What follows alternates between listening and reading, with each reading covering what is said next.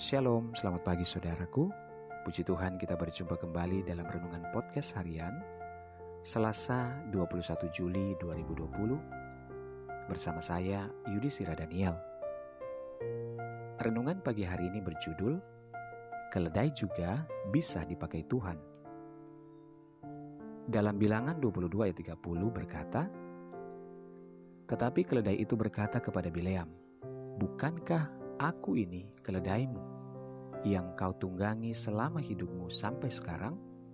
Pernahkah aku berbuat demikian kepadamu? Jawabnya tidak. Keledai adalah salah satu hewan jinak yang sudah sejak lama berguna bagi kehidupan manusia.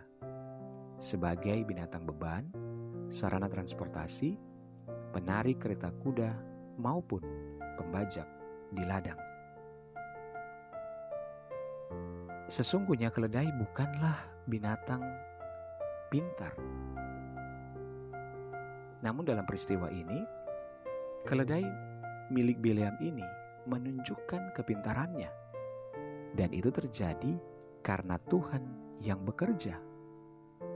Dalam ayat 28 berkata, ketika itu Tuhan membuka mulut keledai itu, sehingga ia berkata kepada Bileam, Apakah yang kulakukan kepadamu sampai engkau memukul aku tiga kali.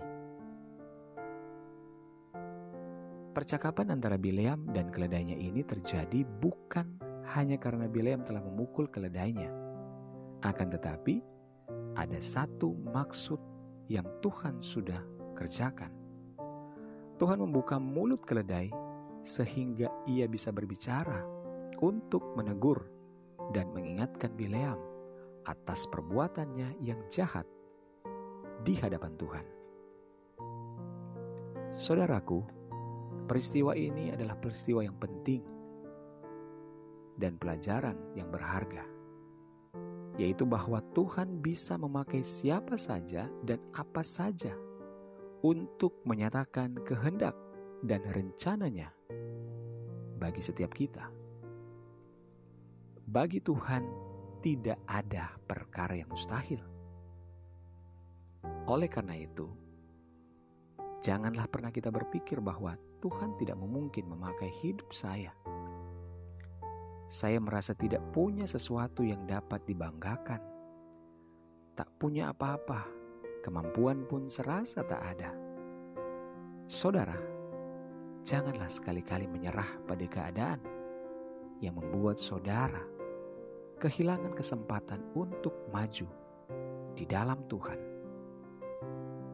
Ingatlah, jika Tuhan bisa memakai keledai yang hanyalah seekor binatang, bukan perkara mustahil.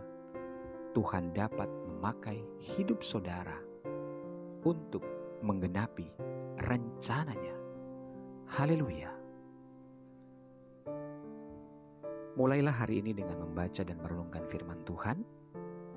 Hiduplah dalam ketaatan kepada Tuhan dan ucapan syukur kepada Tuhan. Tuhan Yesus memberkati.